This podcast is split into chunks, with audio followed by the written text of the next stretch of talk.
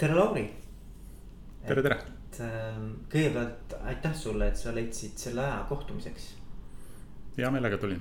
et ma tean, et sul on tegelikult praegu elu äh, rohkem Eestist väljas kui Eestis, et, äh, et kuidagi õnnestus sinuga täpselt sel ajal nagu kokkuleppele saada, kui sa siin olid. jah, vahest on saatusel sellised äh, positiivsed üllatused iseenesest, et praegu proovin tõesti oma elu siduda natukene laiemate väljakutsetega, kui seda siiamaani tehtud on, on saanud, et, et. esiteks vaadata maailmas ringi ja, ja teiseks siis proovida seda, et mis elu jooksul kogutud, kogetud on, et kas see töötab ka näiteks väljapool Eestit. väljapool seda kultuuri konteksti, kus, kus oled nagu ise harjunud kakskümmend aastat juhina tööd tegema ja arvates, et, et see on see on, see ongi see õige või see, see toobki edu tegelikult ja, ja proovida seda tõesti teistsuguses kultuuris ja tänasel päeval. valdavalt olen ju islami kultuurikeskkonnas tegelikult. Kosovo, Kosovo on islamiriik ah,. Okay. aga ta on liberaalne islamiriik, et, et selles mõttes, et mitte üldsegi selline äärmuslik.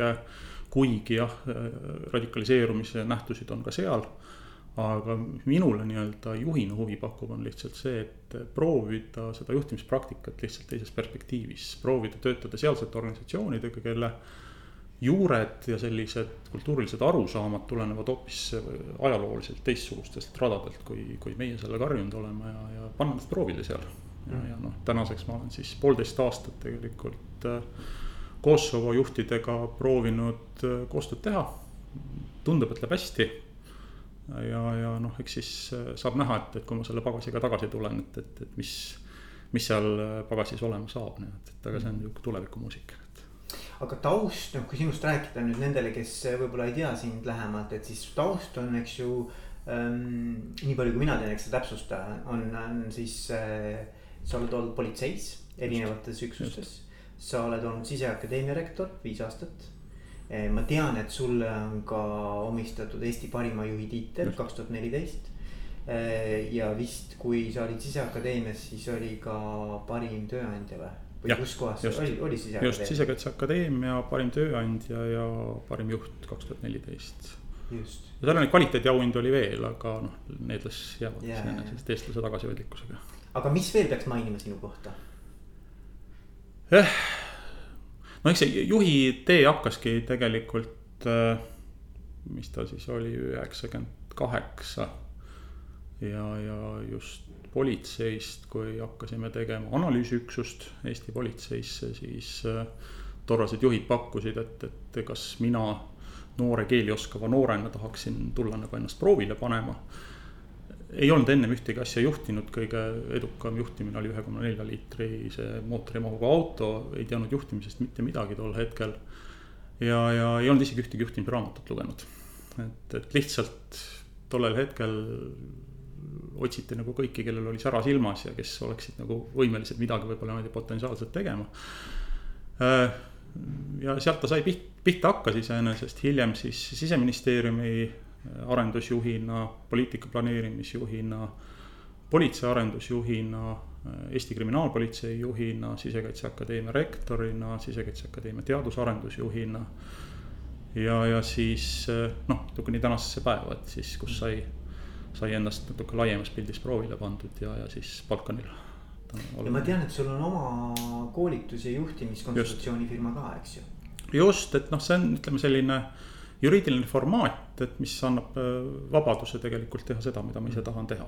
et, et erinevalt võib-olla varasemalt sellest, et kus oli natukene normatiivsem reguleeritud sinu, sinu tegevus olla struktuurides sees, siis tänasel päeval pakun läbi oma ettevõtluse ja oma ettevõtte formaadi tegelikult seda teadmist, seda konsultatsiooni, neid oskusi, mis, mis kahekümne aasta jooksul on juhina kogutud, et. -hmm. väga äge, väga äge. -hmm kuule, aga ma siis alustan äh, oma küsimuste rajaga mm, -hmm. et mul tavaliselt äh, sihukene esimene nihuke stampküsimus kõikidele on sama, et. et Lauri, et kui sa peaksid kuidagi kokku võtma, et mille eest juhile palka makstakse? noh, sealt peaks kaugemalt pihta hakkama, mis asi see juhtimine üldse on, eks et mm.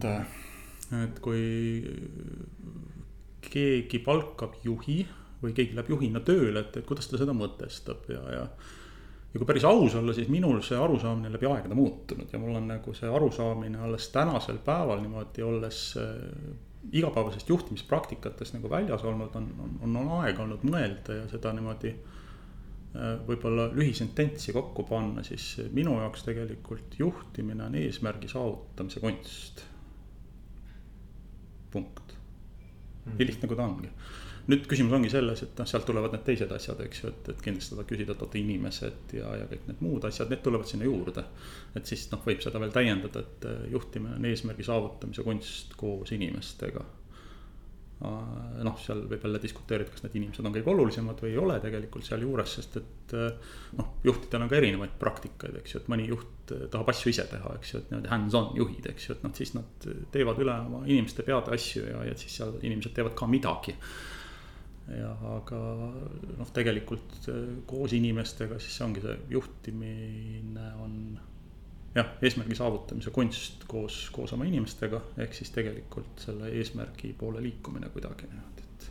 ja kui sa küsid jah, sa küsisid, et mis see, mis, mille eest juhile palka makstakse, siis ma vastaks, et eesmärgi saavutamise eest mm. -hmm. äkki. ja, ja, ei, jah, jah aga kuidas noh, siin on nagu mitu, mitu aspekti, kuidas nüüd saaks nagu sügavamale kaevata. et üks oleks see, et äh,, et, äh, et kes see eesmärgi püstitab mm. -hmm. ja siis, et äh, mis on nagu noh, mis mind kõige rohkem huvitab, on see, et mis on sinu kogemusel ja sinu hinnangul need kõige olulisemad sellised juhtimispraktikad, mis siis tegelikult loovad eeldused selle eesmärgi saavutamiseks. et mis sa nagu tunned, et noh, mis on need asjad, mis on aidanud sinul või siis sa oled näinud, et kõrvalt, eks ole, juhtidel, edukatel juhtidel saavutada tulemusi? jah, nüüd kui minna siis sellest eesmärgi saavutamisest edasi, siis selle juhi roll äkki ja noh, minu enda arvates ka, mitte isegi äkki ütleme, et minu enda arvates juhi roll võiks ju olla ka see, et et, et leida üks eesmärk, defineerida see eesmärk, tõlkida see eesmärk. ja, ja noh, kui sa seal ka mainisid, et mis see juhi, juhi, juhi roll seal võiks olla või juhi ülesanded, siis äh, või, või kuidas seda eesmärki kätte saada siis, et, et, et rääkida oma inimestega kuulata neid ja, ja leida siis äh, see sealt inimeste seest, mis seda eesmärki võimaldaks toetada, läheb keeruliseks iseenesest, mul nagu. aga midagi sellist äkki mm. -hmm. mis sa arvad, mis on nagu kõige keerulisem selle juhtimise kunsti juures või mis sinu, mitte arvad, aga nagu, mis sinu kogemusest, mis su kogemus ütleb? kõige keerulisem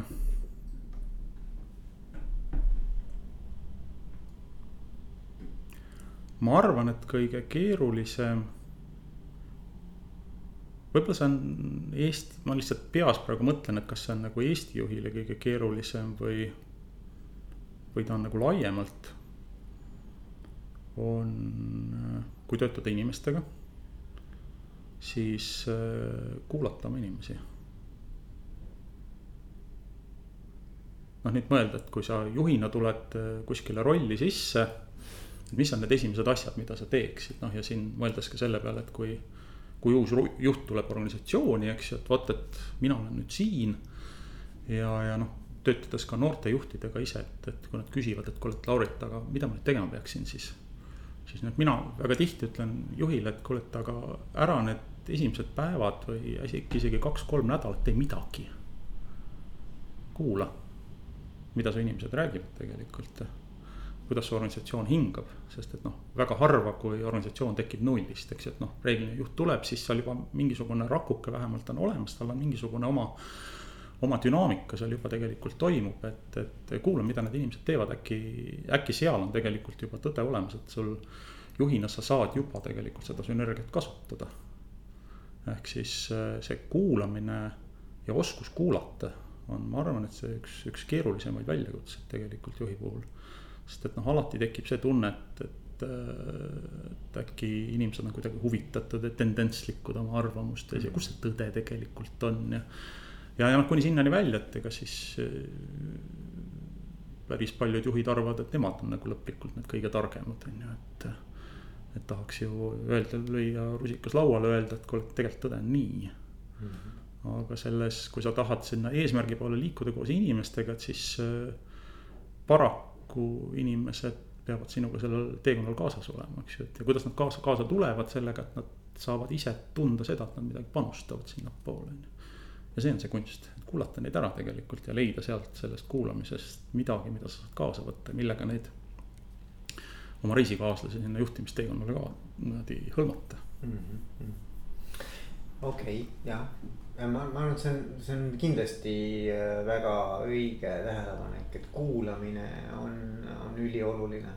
sest et tavaliselt äh, me ei kuula, vaid me mõtleme juba, mis meie vastus peaks olema, eks ole mm. -hmm ja, ja, ja see taju, tajunihe ka, ma just, ma ei mäleta, siin oli vestlus, et äh, ka ühe juhtimiskonsultandi, kes ütles, et.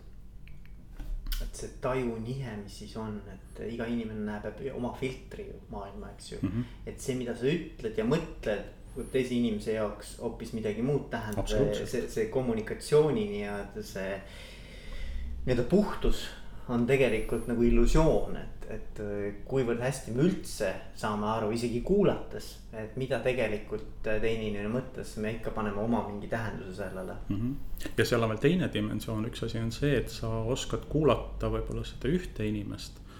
aga kui need inimesed on koosluses mm, -hmm. kuidas see kooslus tegelikult toimetab, et, et noh, juhina tulles organisatsiooni näiteks mõeldes, et me oleme noh ideaaljuhul kõik seal ühevanused, eks ju, et noh, tundub, et me oleme sama põlvkonna inimesed, kõik me mõtleme samamoodi. kaugel sellest, sest et noh, seal võid selle ühe inimesega rääkida, teise inimesega rääkida, kõik räägivad mõistlikku juttu. aga sünergiat mm. ei ole mm., siis tekibki see, et aga kuidas sa selle juhtimiskunstiga nagu hakkama saad tegelikult, et, et mis seal sees toimub, mis, miks, miks sünergiat ei ole või. või kui see sünergia on olemas, miks see sünergia on olemas, et, et, et kas sa saad seda kuidagi ära kasutada nende eesmärkide jaoks, mis sulle on pandud, eks ju, et. juht võib noh, kui sa nagu ise omad seda luksust, et sa ise saad eesmärke seada, kasvõi ütleme siis ettevõtte omanikuna või. või, või organisatsiooni kõige kõrgema tippjuhina, kuigi ka seal on variatsioonid, eks ju, et keegi ikka sulle kuskilt tegelikult annab sulle ette, kasvõi raha tegelikult annab sulle ette, et mida ja. sa tegema pead, on ju. okei okay., aga kuidas nüüd, mis, mis nagu peaks juht päriselt igapäevaselt või no mitte igapäevaselt, aga ütleme nagu juhtimispraktikatest tegema selleks, et eesmärgid saaksid täidetud. sest mul on sihuke tunne, vaata, et et äh, on ikkagi edukatel mingid mustrid mida nad järgivad selleks, et nii-öelda toimuks päriselt ka see progress eesmärgi poole. et kas sa oled ka tähele pannud, et mis on need nagu sellised nagu tegevusmustrid või, või praktikad? noh, minu enda sihuke kogemus ja tunnetus ütleb, et kõige, kõige suurem väljakutse, ta ei ole kõige keerulisem, et ainult keerulisest rääkisime ka, on see kuulamine, aga kõige suurem väljakutse on tegelikult see, et et äh, su inimesed, kellega sa koos töötad või kes sinu sellel juhtimisteekonnal kaasas on, saaksid aru, mis on eesmärk. Mm.. et sellel on kaks põhjust, üks on see, et, et äh, noh, kui mõelda, et juhtimine on eesmärgi saavutamise kunst, eks ju, et siis sul inimesed äh, liiguvad selle eesmärgi poole, eks ju, et siis on noh, kõik on nagu hästi, sa tekitad mingi sünergia. aga teine on ka sinu enda inimeste hõlmamine, selle motivatsiooni tekitamine, inimesed saavad aru, miks me midagi teeme mis on tegelikult palju keerulisem mm. -hmm. et ja, ja, ja siis on noh, sellest on palju raamatuid kirjutatud ja, ja palju mõtlejaid on, on sõna võtnud, et. et kuidas sa neid inimesi sinna teekonnale tegelikult hõlmad. et miks see, mis selleks tegema peaks, eks ju mm. -hmm. ja siin noh, tulles tagasi jälle selle alguse jutu juurde, on jällegi see kuulamine tegelikult. mida inimesed tegelikult, miks nad sinna organisatsioonis on, miks nad sinuga kaasas on sellel teekonnal et noh, sealt hakkab jälle varasemast pihta, eks ju, et juba organisatsiooni sisenemisel inimesel oleks juba mingisugune sama suund, kui ta sinna organisatsiooni tuleb ja kui tal seda suunda ei ole, et siis äkki, äkki ta ei peaks sinna organisatsiooni tulema üldse või siis on seda võimalik kuidagi niimoodi lihvida. noh, siin jõuame jällegi selle värbamise teema juurde, et, et mõeldes, et, et et äh, ühest küljest inimesed ju tulevad organisatsiooni, eks ju, ja teisest küljest lahkuvad juhtimise pärast ja seal on täpselt samasugune probleem tegelikult, et. töösuhet võetakse kui mingisugust äh, võitu. juht vaatab, et ma sain endale hea inimese mm. -hmm. Vau, ma võitsin tegelikult. ja teisest küljest noh, inimene, kes tahab kuskile organisatsiooni, väga populaarsed tööandjad, eks ju, et erinevad edetabelid, ma sain sinna sisse. see on võit, sissesaamine on võit. Aga, aga tegelikult on nii juhi kui inimese peas terve rida asju, mida nad tegelikult selle võitluse käigus läbi ei räägi, et eesmärk on tegelikult sinna sisse saada või see inimene endale saada. ja siis tekib probleem. sest et inimesel on hoopis mingisugune teistsugune eesmärk mm. -hmm. tema tahab midagi muud teha tegelikult, ta tuleb sinna sisse, ma sain sinna sisse. noh, elementaarne näide on, kus siin noh, need maailma populaarsed tööandjad, Google'id, Facebook'id, Twitterid, kõik muud asjad kes erinevates edetabelites on kõige ebamugavamad tööandjad tegelikult, kus on kõige suurem nii-öelda see turnaround. kus inimesed käivad läbi, ehk siis inimesed ei püsi seal. ehk siis nad lähevad sinna sisse, nad tahavad saada sinna sisse, et sa saad vahvasse kohta tööle. mõtlemata selle pealt, mis sa tegelikult seal tegema pead mm.. eks et noh, inimesed lähevad ja, ja tänasel päeval eriti, et kui sul on kahekümne esimesel sajandil nii-öelda uue põlvkonna inimesed, kellel võib-olla see kultuur, mis seal sees on, enam ei sünkroniseeri, ega ta ei sünkagi enam tegelikult nende sinu eesmärkidega. sinu eesmärgid on midagi muud, aga see jäetakse läbi rääkimata selle nii-öelda võidupõhisel värbamisel, võidupõhisel tööle minemisel, et ma sain sinna sisse, väga lahe. Mm.. aga organisatsioonil on mingid eesmärgid, miks ta sind sinna sisse tahab tegelikult? Ja, ja siis ongi see, et mida siis tõlgitakse või, või, või, või kirjanduses käsitletakse, et tullakse tööle organisatsiooni, aga tegelikult lahkutakse juhtide pärast, aga tegelikult ei ole juhid sellest nii palju süüdi, võib-olla mm. -hmm. et põhjus on tegelikult selles, et asjad jäetakse läbi rääkimata mm. -hmm. et kui rohkem läbi räägitakse tegelikult, siis võib-olla mõni inimene jäetakse ka tööle võtmata, sest et tal on hoopis teistsugune ambitsioon noh, siin on matemaatikas võib rääkida vektoritest, kas vektorid nagu ühtivad, eks ju, et juhtimises ka on käsitlused, kus räägitakse vektoritest, eks ju, et kas need suunad on ikka ühtepidi või ei ole ühtepidi.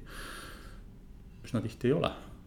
jah, see on huvitav, ma ei olegi selle peale niimoodi nagu mõelnud, et tegelikkuses on tõesti, et. et inimesed hakkavad ju otsima kinnitust oma sellisele soovile, et mm -hmm. noh, et kandidaat hakkab otsima kinnitust sellele, et see ettevõte mulle sobib, see roll mulle sobib, see juht mulle sobib. ja võib-olla teadlikult või alateadlikult jätab mingid teemad üldse nagu käsitlemata, eks ole mm. -hmm. ja samamoodi siis see, kes värbab, see hiring manager mm, -hmm. tema tegelikult ju ka noh, leidis inimese, ta nagu nüüd tahab kõikvõimalike mm -hmm. meetoditega aru saada, et just see on see õige inimene ja, ja lõpuks ikkagi otsib nagu kinnitust sellele oma esmamuljele, et, et, et siis võib jäädagi mingisugune must ala või mingisugune selline käsitlemata mm -hmm. ala, mis äh, lõpuks äh, siis, kui päris elu hakkab pihta, et siis äh, saab saatuslikuks hoopis. mul on selles osas on üks hea näide, mida praegu tuli meelde, et see oli paar aastat tagasi, kui ma püüdsin värvata ühte, noh, võib öelda ühte staarnoort ja, ja ma räägin pikalt temaga rääkisin selles, ma teadsin enam-vähem, noh, mida, mida noored ikka tahavad, eks ju, et noh, väljakutset. natukene võib-olla sihukest tulesid, vilesid, head palka, vabadust.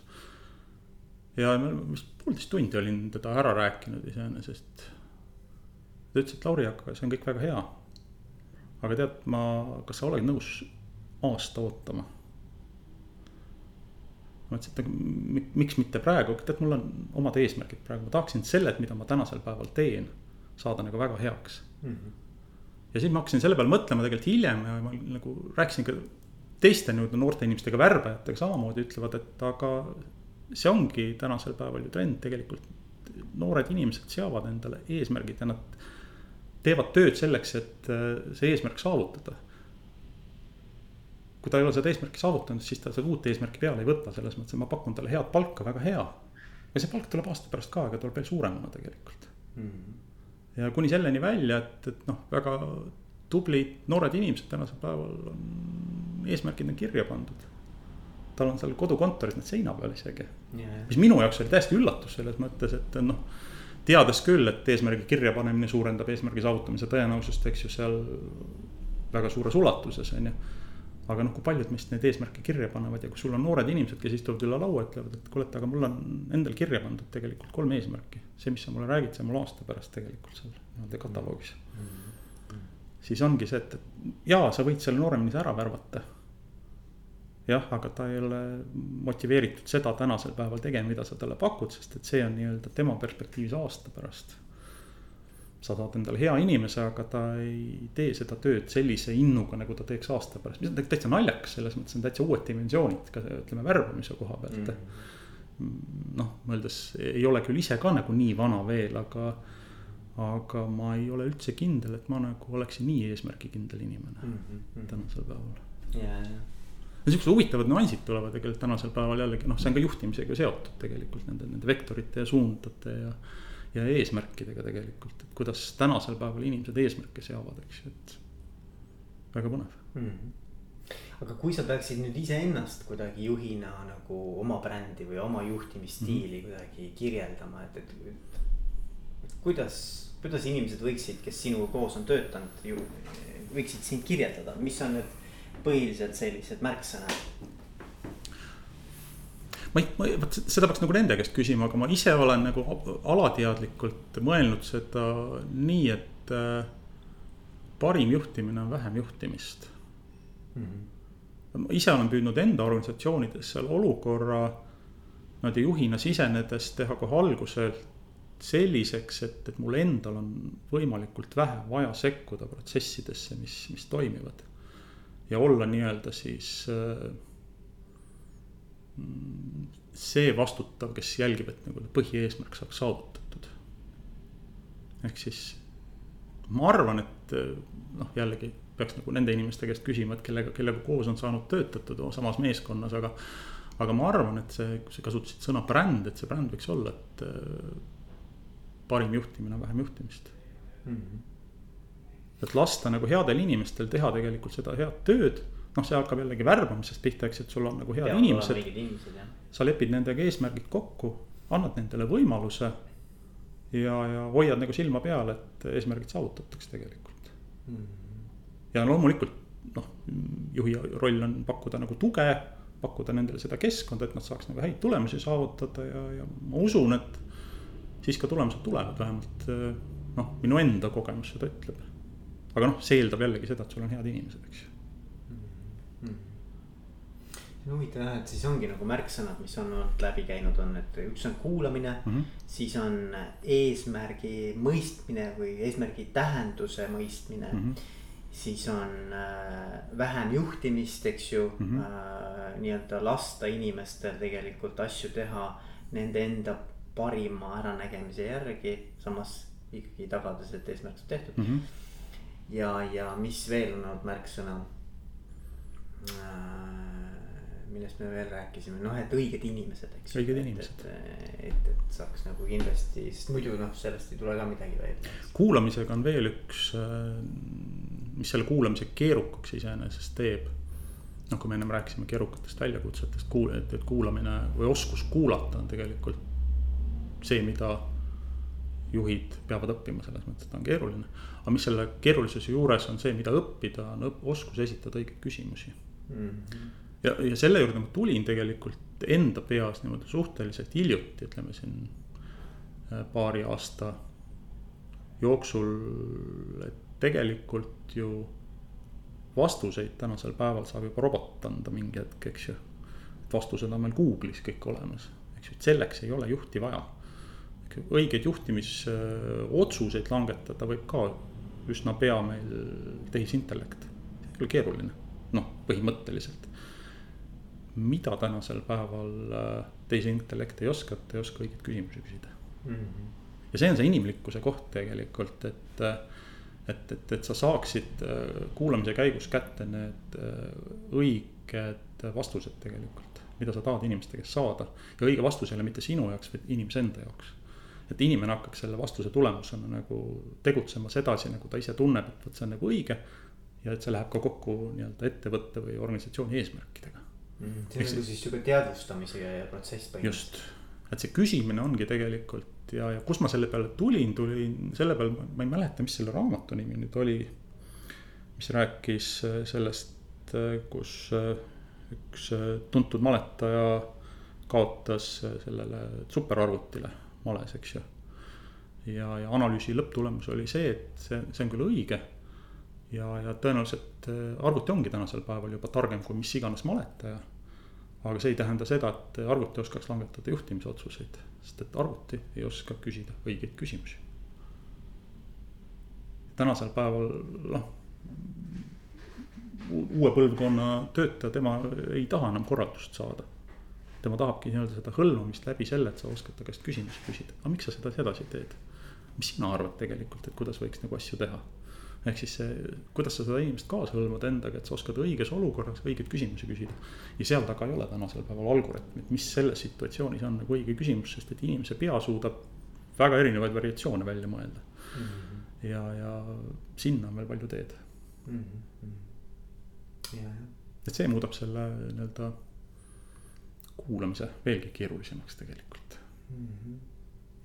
jah, et, et, et mis on nagu ma arvan, sihuke võtme, minu arvates on võtmekoht on see, et kui sa suudad inimesed panna nagu kuidagi pühenduma mingisugusele teemale, et, et mitte isegi küsimus ei ole see, et kuidas nad seda asja siis lähevad nagu lahendama, vaid pigem on küsimus see, et et neil tekiks see kirg või tekiks see nagu selline põlemine seal. see on nende asi. jah, et see kuidagi nagu sihuke omanikutunne või selline nagu. ma arvan, et see on nagu üks nagu suur-suur võtmeküsimus, siis pärast seda tegelikult kõik vastused tulevad ka, sest nad hakkavad otsima vastuseid mm. -hmm aga kui seda kirge ei ole, vot siis on nagu raske, sealt edasi minna on keeruline. ja see on see, mida ma näiteks noh, mõeldes, mis üks nii-öelda õpitud lesson learned sellest Balkani kogemusest mul tänasel päeval on, et noh, sõjajärgselt Balkanil väga paljusid otsuseid langetati nii-öelda doonorriikide poolt. ehk siis need otsused, mis on langetatud ja see situatsioon, mis seal tänasel päeval on, ei ole nagu nii-öelda nende inimeste oma kes tegelikult tänasel päeval nende otsustega peavad elama. ja seal on nagu organisatsioonides näha see, et inimesed ei, neil ei ole seda omanikutunnet mm, -hmm.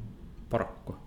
Ja see on nagu niivõrd selline illustratiivne tegelikult seal kohapeal, et, et, et kuidas omanikutunde puudumine organisatsioonis tegelikult mõjutab selle organisatsiooni tulemuslikkust mm. -hmm. kui sul ei ole omanikutunnet, siis sa ka otsuseid ei langeta, sest et noh, miks ma peaks yeah.. ja kui keegi otsuseid ei langeta, et siis noh, ei, ei, ei toimu mingisugust arengut.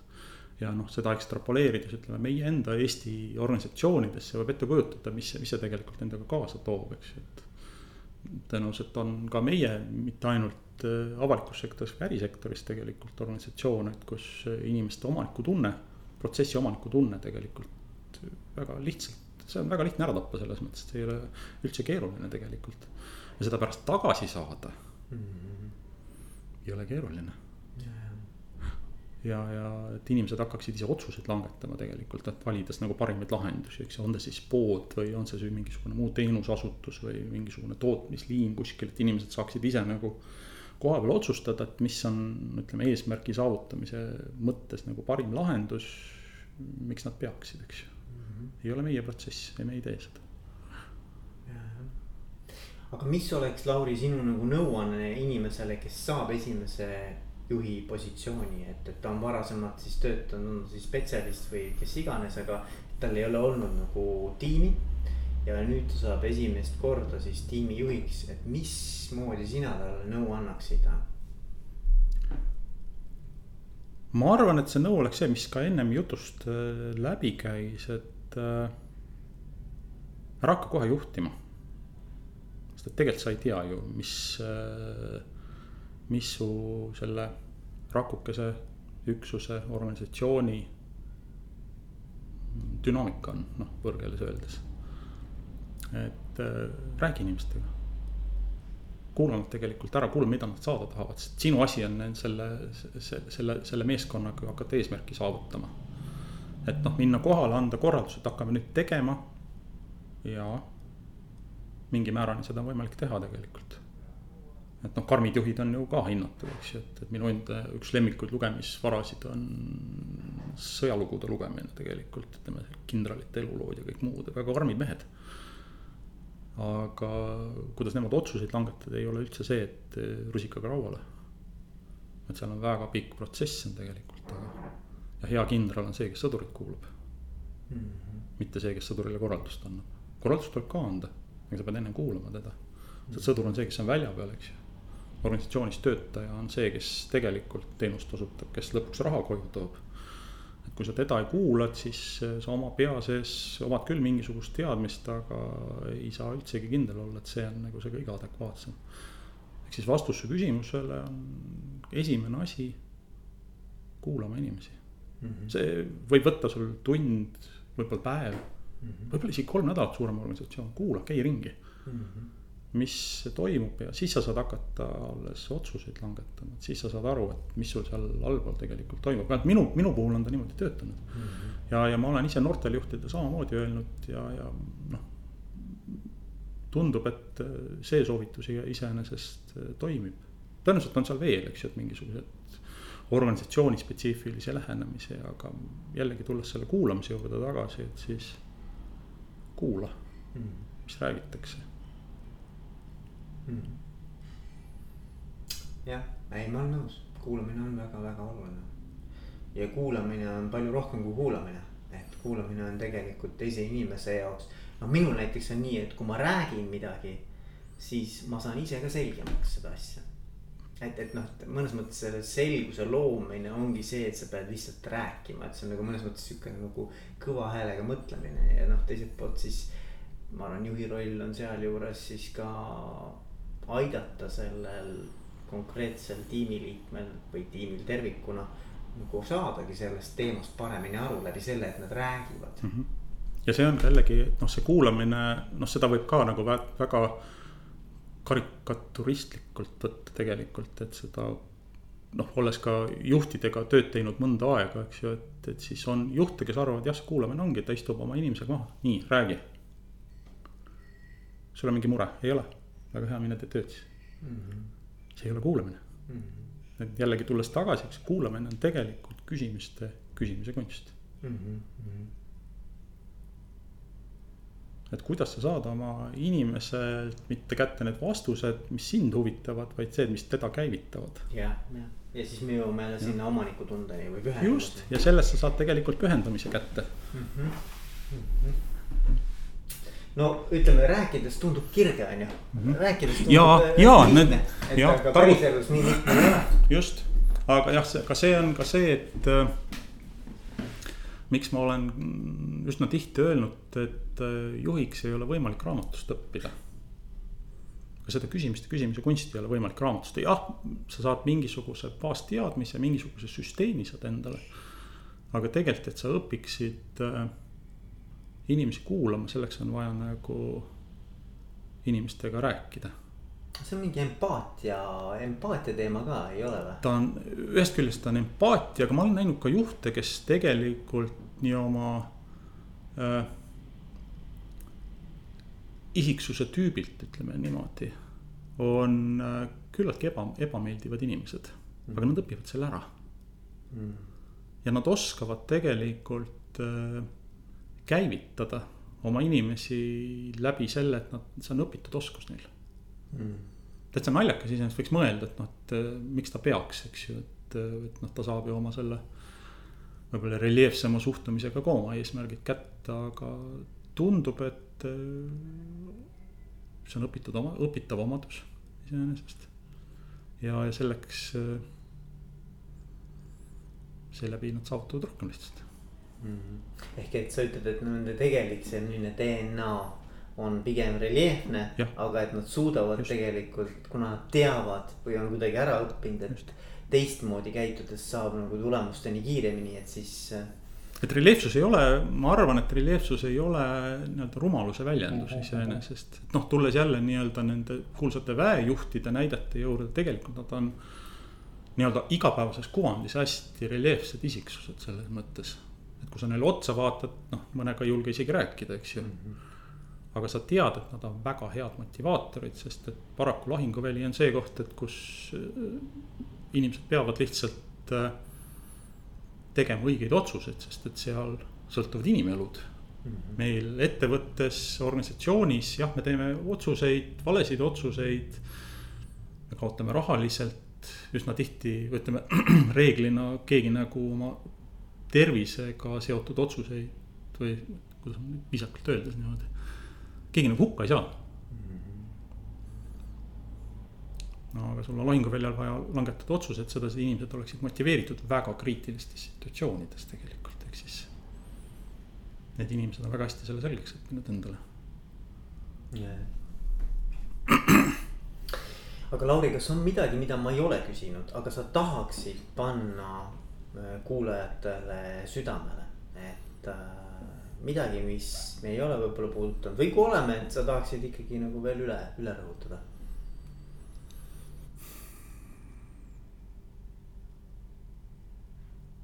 ma ei tea ausalt öeldes. et juhtimisteema on sihukene väga, väga mitmetahuline, eks ju mm. -hmm. et me tänasel päeval sinuga rääkides oleme vaadanud võib-olla seda nagu ma algselt püstitasin nii-öelda eesmärgi saavutamise vaatevinklist tegelikult ja. juhtimisteemasse saad ka hästi süvakuti sisse minna, minna hästi psühholoogiliseks ja, ja.